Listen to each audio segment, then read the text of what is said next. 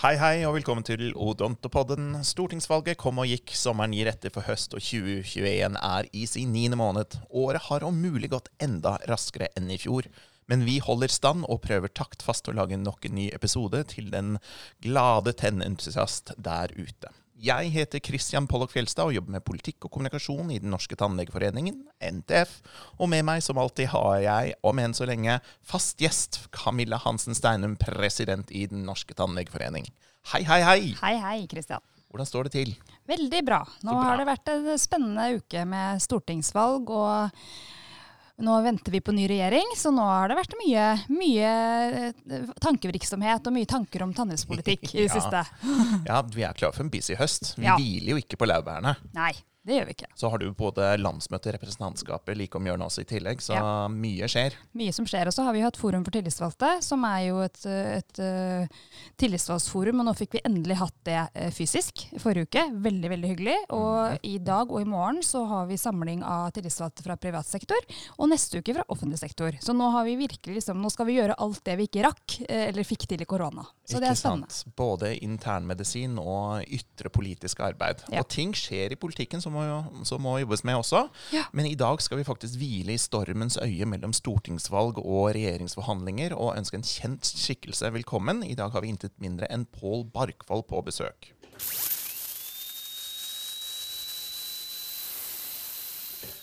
Tannlege, professor, dekan og nå snart president i ADEE, Association for Dental Education in Europe.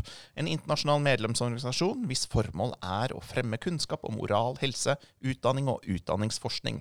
Mannen hvis tenner, munnhelse og utdanning er sitt kall. Velkommen til Odontopodden, Pål Barkvold. God dag, god dag. God dag, god dag, og takk for invitasjonen. Så bra. Ja, du er klar. Har du fulgt med på stortingsvalget også, kanskje? Selvsagt. eh, Jeg er jo et politisk dyr, og sånn sett eh, har jeg fulgt med mye. Og ikke minst i oppspillet til, eh, til valget. Jeg har vel aldri noensinne sett at tannhelse til, til de grader har vært på, høyt på agendaen hele tiden. Mm. Og du tror nå skjer det? Eh, tror og tror. Jeg tror vel kanskje noe kommer helt garantert til å skje. Ikke sant. Det blir spennende å følge med på. Hva tror du?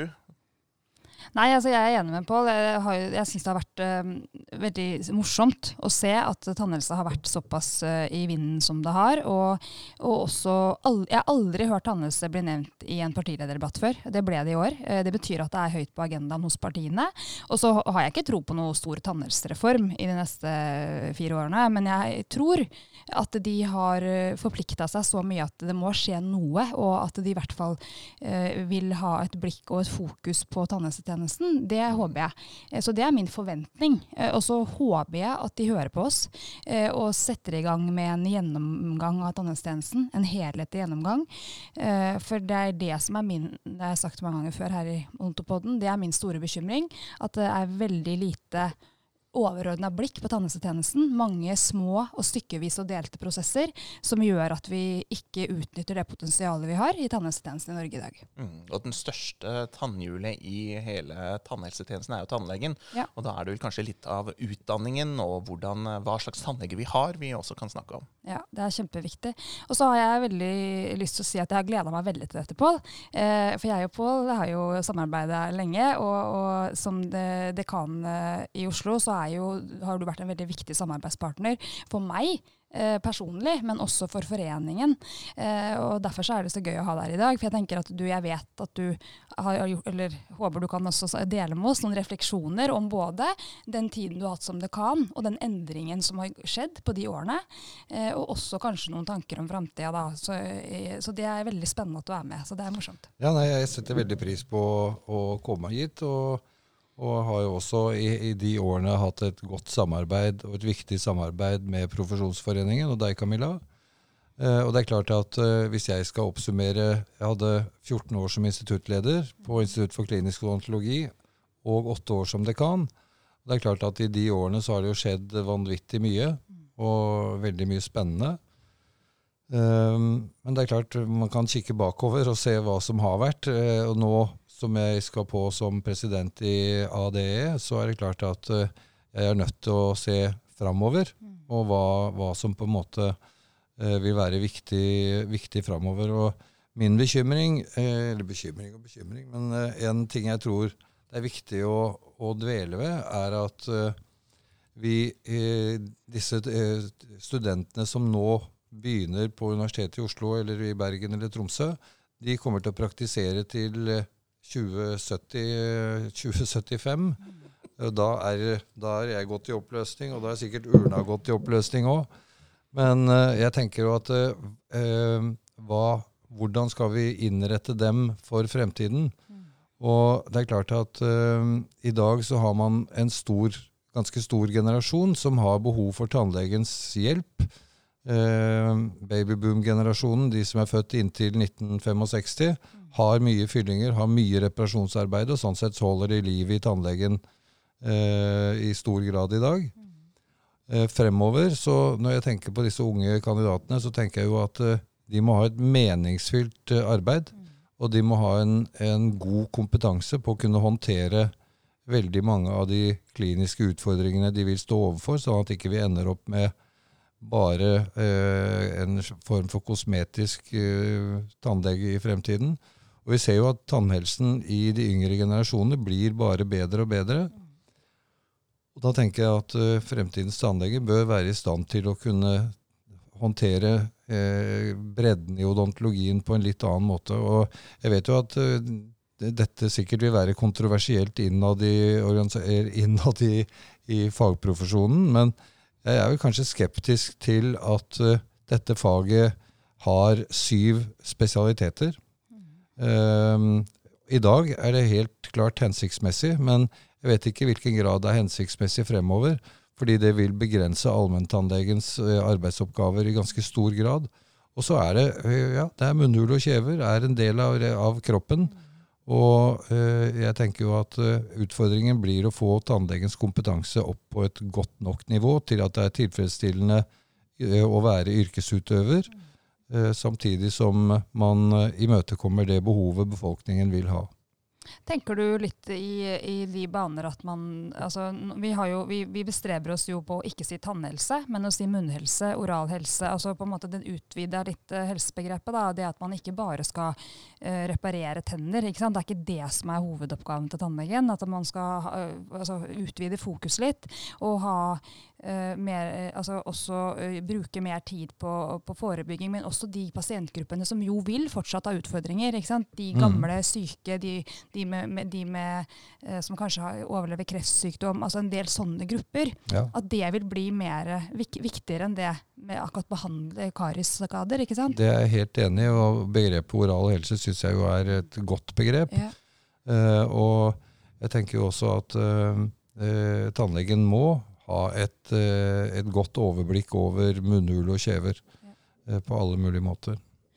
Men eh, det med antall spesialiteter, det er jo selvfølgelig, selvfølgelig eh, et- litt vanskelig og, og sårbart tema å diskutere. Altså, nå har vi jo syv spesialiteter i Norge, men det er jo sånn Pål, at du, nå skal jo du ut i ADE og ut i eh, Europa, og der er det jo ikke så mange spesialiteter som vi har, ikke sant? Nei. Nei, Der er det oralkirurgi og oralmedisin og Og kjeveortopedi, stort sett, som er godkjente spesialiteter. Og det som også jeg tenker, eh, i Norge, vårt, eh, vår geografi, da, vårt langstrakte land, så er vi helt avhengig av at det er allmenntannlegen som behersker alle de ulike behandlingsmetodene. Vi Mm. kan jo ikke utdanne spesialister eh, til å jobbe på alle altså overalt i Norges land. Altså, vi er jo avhengig av allmenntannlegen. Ja, Og har det vært viktig for deg når du har vært dekan? Altså, har det vært et fokus? absolutt. Det, og det tror jeg kommer til å bli viktig videre fremover òg. Jeg fikk eh, i fjor høst, høsten 2020, hadde et, ble intervjuet av Helsedirektoratet i forbindelse med en ny spesialitet i, i klinisk odontologi. Uh, og jeg gikk gjennom studieplanen og så på den, hvilket jeg syns var veldig, veldig hensiktsmessig. Veldig, veldig bra uh, faglig sammensetning. Men for meg så er dette den kompetansen allmenntannlegen skal ha til slutt. Og jeg ser ikke noe behov for den type spesialitet, men, men målsettingen bør være at det er sluttkompetansen til fremtidens tannlege. Eh, og så er det klart at eh, det vil ta tid å komme dit, men, men man ser jo også i andre organisasjoner, som Verdens helseorganisasjoner, eh, også EU-kommisjonen, har jo fått oral helse opp på dagsorden på en annen måte enn tidligere. Ja. Eh, og det er én gjennomgående ting som står Og det er klart, i Europa og i verden så er det store regionale forskjeller. Men det er én ting som er veldig tydelig, og det er at oral helse må tettere på eh, vanlig primærhelse og, mm. og allmenn helse. Og det tenker jeg er, er viktig. Og som fagperson fra oralkirurgi og oralmedisin, så har vi på mange måter vært bindeleddet mot medisin. Ja. Og jeg tenker jo at den medisinske grunnkompetansen den må styrkes videre fremover, sånn at tannlegen er i stand til å håndtere den medisinske mm. risikopasienten som de eh, høyst sannsynlig vil stå overfor. Ja. Men da er det altså ikke et særnorsk fenomen at uh, munnen kanskje ikke har vært en del av kroppen, som man kan oppleve at den politiske debatten har dreid seg om. At man ønsker at munnen nå skal være en del av kroppen. Ja,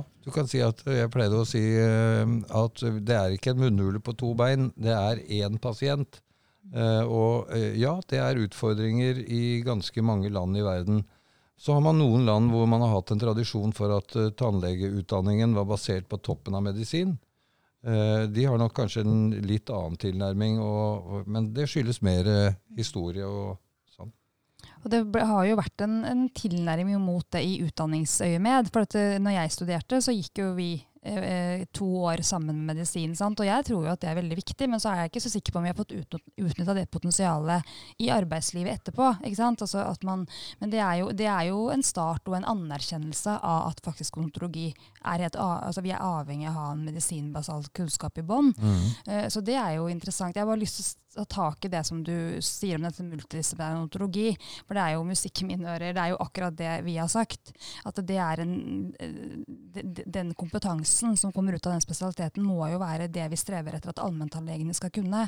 Og jeg har ikke tro på at uh, å utdanne noen spesialister i multidisciplinær odontologi skal løse de behovene vi har i tannhelsetjenesten i framtida. Uh, og, og, det er jo en av de prosjektene som jeg uh, er litt sånn ja, bekymra og litt sånn åh, jeg tenker, hvorfor, hvorfor, driver vi med dette? Dette er en sånn bitte lite prosjekt som, som, man holder på med, og som på en måte forstyrrer den helhetlige eh, eh, strategien som vi må ha i tannhelsetjenesten. Eh, så jeg er veldig glad for det Pål sier. Det er akkurat det vi har spilt inn eh, fra NTF i den eh, saken om, om den eh, spesialistutdanninga. Men hva med dimensjoneringen innad i Norge? Altså Bærekraften og helheten i å ha antall studenter inne da, versus det å hente inn folk fra Europa. Hva er dine tanker på det? Så nå er jo situasjonen at det er vel like mange tannleger som kommer fra utlandet som det vi uteksaminerer i Norge. Eh, jeg tenker vel at eh, i tiden som kommer, så må man nok se på dimensjoneringen, eh, og at det vil være hensiktsmessig, tatt i betraktning at de store babyboom-generasjonene går ut av tiden. At det kanskje vil bety at man må se grundigere på dimensjonering. Mm. Men du skal jo representere nå alle utdanningsinstitusjonene i hele Europa på dette feltet. og altså, Det er vel ingen grunn til å tro at det er store forskjeller mellom utdanningsinstitusjonene, eller eventuelt så jobbes det hardt for at alle tannlegestudenter som må gjennomgå studiet, er faktisk på et visst nivå, så vi skal ja. ikke være bekymret. Nei, altså du kan si at når det gjelder akkurat det, så, så er jo Norge, fordi vi er medlem av, eller har en EØS-avtale, så er vi jo forpliktet til å følge yrkeskvalifikasjonsdirektivet. Det ligger altså et EU-kvalifikasjonsdirektiv for tannleger og leger og jordmødre osv. som innebærer et visst minimumskrav eh, hva man må gjennom. Og akkurat det direktivet er under revisjon for øyeblikket, og hvor det vil kunne komme inn nye faktorer som, som vil være viktige i fremtiden. Bl.a. at eh, Eh, alle tannlegestudenter skal ha vært eksponert for, for å ha gjort i hvert fall ett implantat, eller én implantatkrone, som et sånt krav. Men det er minimumskrav. Eh, og det er klart at jeg vil si at i Norge så ligger vi vel godt over det minimumskravet. Uh, og det er jo selvsagt forskjeller i Europa. det er forskjeller er det, i Norge også? Ja da. Og når jeg snakker med studenter i Tromsø versus uh, Bergen og Oslo, så opplever jeg at det er store forskjeller. Ja, og det tenker jeg er helt hensiktsmessig. At uh, studiestedene har sine særpreg. Og Tromsø, sånn som den er innrettet, ser jeg på som positivt. Den har jo et fokus mot den offentlige tannhelsetjenesten i landsdelen. og Noe av hensikten var jo at de håpet jo at de studentene de utdannet, at de ble værende i nord. Eh, så at vi har forskjeller innad i Norge. Men de er allikevel minimale i forhold til hvis vi sammenligner oss med en del andre europeiske land. Mm. Men det som kanskje bekymrer meg når det gjelder utdanning i utlandet altså Jeg må først si at jeg er veldig positiv til at norske studenter studerer i utlandet. Eh, på ulike fagretninger. fordi at det, eh, Vi er et internasjonalt samfunn, og vi lever i en globalisert verden, så det er positivt. Men vi registrerer jo at en del universiteter i det tidligere Øst-Europa eh, har programmer eh, som går på engelsk. Og det er selvsagt ikke for å avhjelpe tannlegemangel i Norge eller Sverige eller Danmark, men utgangspunktet deres, og det er for så vidt forståelig, de ønsker å skaffe seg et eget økonomisk handlingsrom. Mm. Uh, og det er jo grunnen til at de, de uh, har disse programmene. Mm.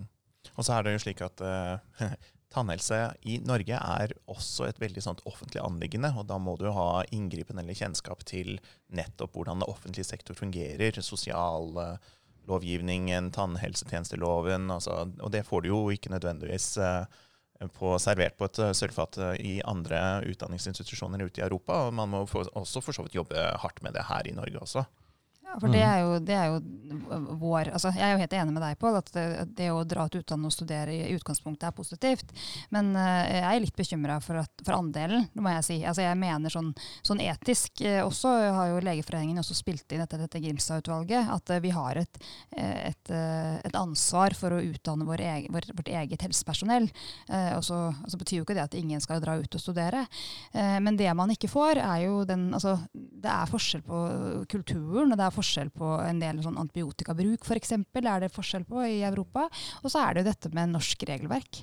Eh, Folketrygdens stønadsordning, en del av de tingene som er spesielt for Norge, det får man ikke når man er i utlandet. Og det er ikke noe altså, Det er ikke sikkert at det er et problem, men det, man må være i hvert fall opptatt av det. Sånn at man skjønner at når man kommer tilbake, så er det en del ting man, eh, man må tilegne seg ja. Eh, for, å, for, å, kunne jobbe i det norske samfunnet, rett og slett. Det ser jeg. Og ja. eh, også, kommunikasjon er jo også en viktig mm. del av eh, tannlege- og legeutdanningene. At man er i stand til å kommunisere. og mm jeg oppfatter jo etter å ha rimelig god kjennskap til utdanningene i Øst-Europa på de engelskspråklige programmene, at dette med kommunikasjon kan være vanskelig med pasientene ved at de pasientene som de rekrutterer, ikke har spesielt god kompetanse i engelsk, og at det blir noen, noen utfordringer der. Mm. Men en ting som, for å kompensere for det med, med eller behovet for å, å, kjenne til Europa, som jo da på mange måter er hjemmemarkedet for alle tannleger og leger i Norge, um, er jo dette med utveksling under studietiden. Og i min dekanperiode har det vært uh, særlig viktig for meg at uh, vi får uh, studenter ut for tre måneder i et eller annet universitet i, i Europa. Mm. Uh, og jeg skulle gjerne sett at det var sånn, som uh, tidligere uh, kunnskapsminister Iselin Nybø sa, og var inne på at det burde være obligatorisk å reise på utveksling, og så mm. søke om å få slippe. Jeg skulle gjerne sett at det var sånn. Ja. Nei, det, er klart, det er noe helt annet enn å ta hele studiet i utlandet. Det å se andre kulturer og se at det går an å gjøre ting på andre måter, og det å lære av, av de forskjellene og de ulikhetene som er det, det tenker jeg er kjempeviktig. Eh, og så er det det, der, det aspektet også med at eller det vi hører, da, nå vet jo ikke jeg om det er så reelt, men gjennom CED, den europeiske tannlegeorganisasjonen, så hører vi jo at eh, i noen av de landene så har de problemer med å utdanne sitt eget helsepersonell. Nettopp fordi at disse skolene tapper på en måte kompetansen fra, fra universitetene. Og det er klart, da, da, da, har vi et etisk ansvar for å, for å ikke på en måte Eh, altså, da, da, må norske stat utdanne sine egne. Vi kan ikke drive og tømme eh, Øst-Europa for, for, kompetanse. Så det er mange ting i den debatten da, men, eh, men, det er interessant framover. Og jeg tenker det, det, er jo spennende på med den jobben du skal inn i nå. At du kommer til å få veldig god kjennskap til enda bedre enn det du har, altså til hele utdanningssystemet i Europa. Og, så, hva tenker du, liksom, har du noe sånn, hva er det viktigste for deg når du går inn i den jobben? Har du noen sånne visjoner for hva liksom ja, så Den fremste visjonen er jo å få en, en eh, en tannlegeutdanning i Europa som er i stand til å møte fremtidens behov, med de regionale forskjellene som selvsagt ligger i Europa. Ja. Um, men noe av det uh, som jeg kommer til å ta fatt på, er jo også å skaffe meg inngående kjennskap uh, til de ulike regionene i Europa, om hvordan situasjonen er, hvilke utfordringer det er. Uh, og dette er jo en medlemsbasert organisasjon, så jeg, så jeg, skal jo på en måte handle på vegne av medlemmene i organisasjonen. Så eh, jeg tenker med basis i den eh, WHO-høringen som er ute nå, eh, så har vi gode kort på hånden til å markere tannlegefaget og tannlegeutdanningen i fremtiden. Eh, og eh, så er det klart at eh, man må se på utvikling, og det tenker jeg vil være spennende. Men den fremste visjonen er jo selvsagt at anleggsutdanningen er, eh, er innrettet for en god fremtid og de behovene befolkningen har. Mm. Samtidig som det skal være et interessant yrke for den enkelte som velger den utdanningen. Men da blir jo nettopp det her med f.eks. antall tannleger eh, og spredningen av tannlegene et interessant eh, fenomen. da, altså Hvordan er det i hele Europa? Altså Vi trenger jo ikke gå lenger enn til Danmark og se at de er flere folk med færre tannleger versus her i Norge. Og jeg kan jo tro at det er enda større avvik eh, utover i Europa. Ja. Uh, Det er ting som vi er nødt til, nødt til å se på. mm. Og så er det jo interessant å vite hvor mange tannleger trenger vi faktisk bare her i Norge. Og hvordan vi dimensjonerer utdanningen vår etter det. Ja, jeg vil jo tro at i dagens, eh, i dagens situasjon så eh, har jeg vel et inntrykk av at eh, det er ganske grei balanse, selv om det er noen overopp, eller, eh, overetablering kanskje i noen regioner og noen, noen byer. Men, men med det behovet befolkningen har, og det er jo fremdeles grupper som ikke får den behandling de burde ha. Eh, og det er fremdeles utfordringer med å dekke opp tannlegestillinger i enkelte deler av Norge enda. Men, men framover, når eh, som jeg sier, den, denne babyboom-generasjonen faller ut av tiden, da eh, i god tid bør vi nok begynne å se på en dimensjonering som er hensiktsmessig. Ja, og det Med et langt eh, tannlegeyrkesliv så må vi begynne å se på den dimensjoneringen ganske snart. da. Ja. Fordi Hvis vi skal se frem til 2070, så, så eh, ja, jeg holdt på å si det er rett rundt svingen, det. men eh, Ikke for alle, men for de som er under studiet nå, Ja. så må de tenke den tanken, faktisk. Ja. Det er jo det, men det, det- noe av det som eh, blir mest spennende framover, tenker jeg, er jo hvis man ser på, tenker på den regjeringssituasjonen som nå kommer, får vi jo se hva som kommer ut av det, da. Men, men det å, å se på tannhelsetjenesten og se på organisering og finansiering, som jeg tror vi må, altså uavhengig egentlig av hva som skjer i den regjeringsplattformen, så tenker jeg framover så må, blir det viktig. Så er det jo og hvis du skjeler til den der WHO som kom nå, så er det jo faktisk første gang de har, de overordna sagt noe om moralhelse. Sant? Satt det på dagsordenen, skal lage en strategiplan. Eh, og de er jo opptatt av dette med universell helsedekning, at alle skal ha rettigheter. Altså, så hvis man, eh, så det er jo et moment nå, tenker jeg, for oral helse som jeg i hvert fall opplever er er, er liksom sterkere enn det har vært tidligere. Og det er klart at det vil jo også få spille inn på hva tannlegen skal drive med, og hvor mye vi får å gjøre, hvor mange vi trenger. For det er jo sånn som Pål sier at eh, jeg har hørt på Høyre nå i valgkampen, og jeg, og jeg skjønner at altså, Bent Høie har sittet i åtte år og har gjort en eh, god jobb som helseminister, og han har jo hatt store eh, problemer og utfordringer på sitt bord. Men han sa det jo når han var på, eh, på radioen her for en stund siden, at hadde han fått syv milliarder, så ville han i hvert fall ikke brukt oral helse, for det er så god oral helse i Norge. Det er for enkelt. Altså, vi vet at det er utfordringer. Vi vet at eh, det er grupper som har, som har udekka behov. Og jeg tenker vi kan ikke være fornøyd som stand og si at det, dette er godt nok. Ikke sant? Det er- ikke sant? Det tenker jeg, Der kan ikke vi være. Vi må Nei. kjempe for at alle skal ha tilgang til nødvendige tjenester. Og så bør den være målrettet. Yes. eh, for å kunne nå de gruppene Mm. som det er behov for å nå. Eh, men, men det er klart, en ting som, som fra mitt ståsted, som jeg vet at uh, Tannlegeforeningen har hatt et annet uh, synspunkt på, og det handler om organisering.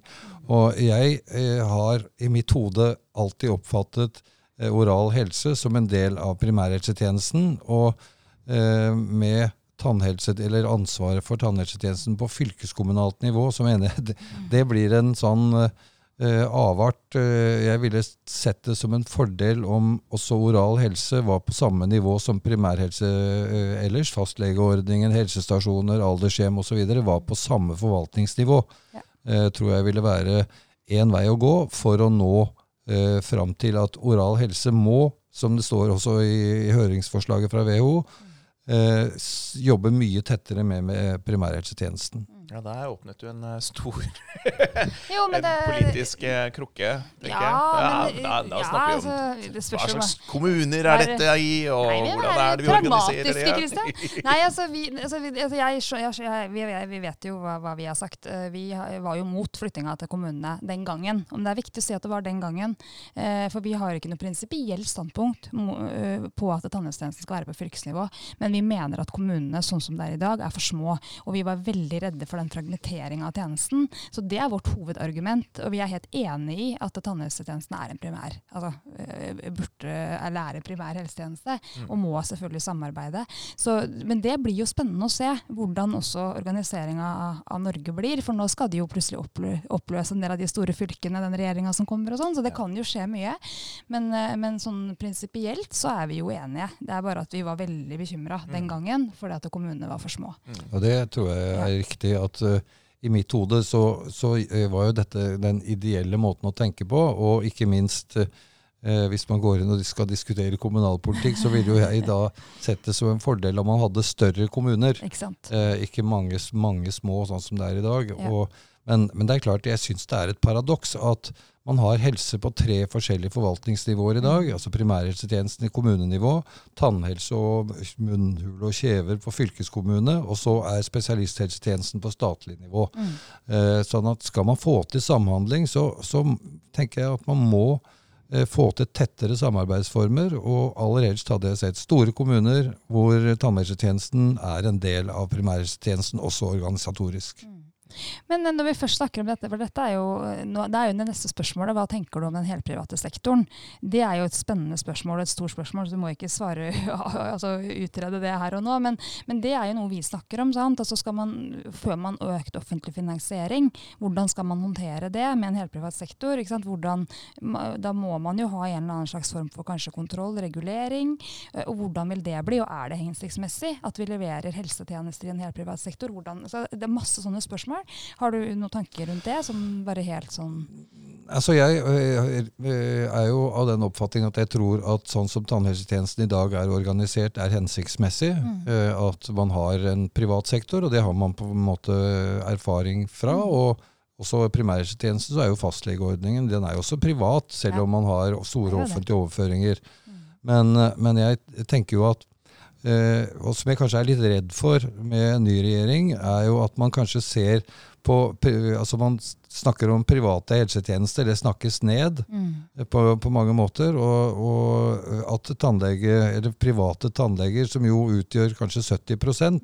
eh, faller i den samme, samme gropa, det eh, er bekymringsfullt. Ja. Eh, og jeg håper at det ikke skjer. men men hvis vi ser tilbake på koronaåret, så jeg, må jeg jo innrømme at jeg eh, har registrert eh, ting som jeg ikke har syntes har vært bra. Hvor, her, i Oslo, her i Oslo kommune hvor, hvor tannlegene ble av helsebyråden sammenlignet med blomsterhandlere og gartnere og sånne ja. ting når det gjaldt. Og, og da, da, tenker jeg at de ikke ville prioritere vaksiner til tannhelsepersonell som står tett på pasienten. Um, og man gjorde heller ikke det for de private uh, sykehusene, altså Volvat og sånn, fikk heller ikke. Og da tenker jeg da uh, var det et politisk signal på at den private helsetjenesten den får greie seg sjøl, uh, eh, og det bekymrer meg. Mm. Men, men, jeg tenker jo at vi må få gode refusjonsordninger gjennom folketrygden. og det mener jeg at privat sektor vil være i, i, i stor stand til å kunne håndtere. Mm. Men det er klart det er jo urimelig i dag, sånn innenfor mitt eget fagfelt. Da. Hvis du får en hudsykdom i munnhulen som invalidiserer deg i forhold til å spise, drikke og kommunisere, eh, så skal det koste deg hvitøye i forhold til hvis du får den hudsykdommen på huden. Mm. Eh, og dette er jo helt urimelig. En syste i kjeven det koster deg mye mer enn om du får den et hvilket som helst annet sted på kroppen, mm. fordi det er tannleger som gjør arbeidet. Ja. Mm. Nei, det, altså det, her blir spennende meg. Jeg er helt enig med deg at privat sektor eh, altså i tannhelsetjenesten Det er mange fordeler med den, og den har jo vist at, at den faktisk eh, bidrar i helsetjenesten på en viktig måte. Men jeg er litt usikker på om alle de partiene som har kommet til regjering nå, ser det på den måten. Og det blir vår utfordring å, å forklare dem det, og også si at det, offentlig finansiering er ikke det samme som offentlig organisering nødvendigvis. At det går an å finne noen, noen, noen, mell noen mellomting der. Da. Så det, så, det, blir jo en viktig jobb for Tannlegeforeningen framover. Å ja. synliggjøre hvordan dette er, mm. eh, og hvordan man eventuelt kan gjøre endringer. Og offentlig-privat samarbeid kan være ja. minst like effektivt, det. Så mm. det, er snakke, man, det er fornuftig ressursforvaltning, rett og slett. Ja. Nei, men Det er så mye spennende. Det, er, det, her, det kommer til å bli morsomt framover, Pål. Ja, absolutt. Og jeg har ti år til jeg går av med pensjon, og jeg tenker at de ti årene, da ønsker jeg å jobbe eh, for eh, at man får en hensiktsmessig eh, utdanning av tannleger i Europa, eller at den er imøtekommer det behovet befolkningen vil ha. At den, at, og som jeg sa i stad, at det er et attraktivt yrke å velge også. Ja, da har jeg nok en gang lært masse. Det er en glede å være programleder i Odontopodden, hvor jeg kan liksom få lov til å møte disse menneskene som bare gir meg mer og mer kunnskap. Jeg har nå vært seks måneder i jobb på Norske tannlegeforening, og det er like gøy hver dag. Det er bra. Så bra. Ja, det, da tror jeg vi kommer til å takke av for denne gang. Tusen takk til Camilla og Pål. Jeg takker også til produsent Øyvind Husby, som mikser det hele sammen. Programleder, det er meg, Christian Pollock Fjelstad. Vi kommer tilbake med flere episoder og setter stor pris på om dere lyttere kommer med innspill til hva vi skal ta opp, og andre gjester som kan være til glede for meg og alle andre lyttere. Da er det bare å sende meg en e-post på cf at tannlegeforeningen.no. Takk for følget i dag. Vi høres av. Hei så lenge. Ha det. Ja, det.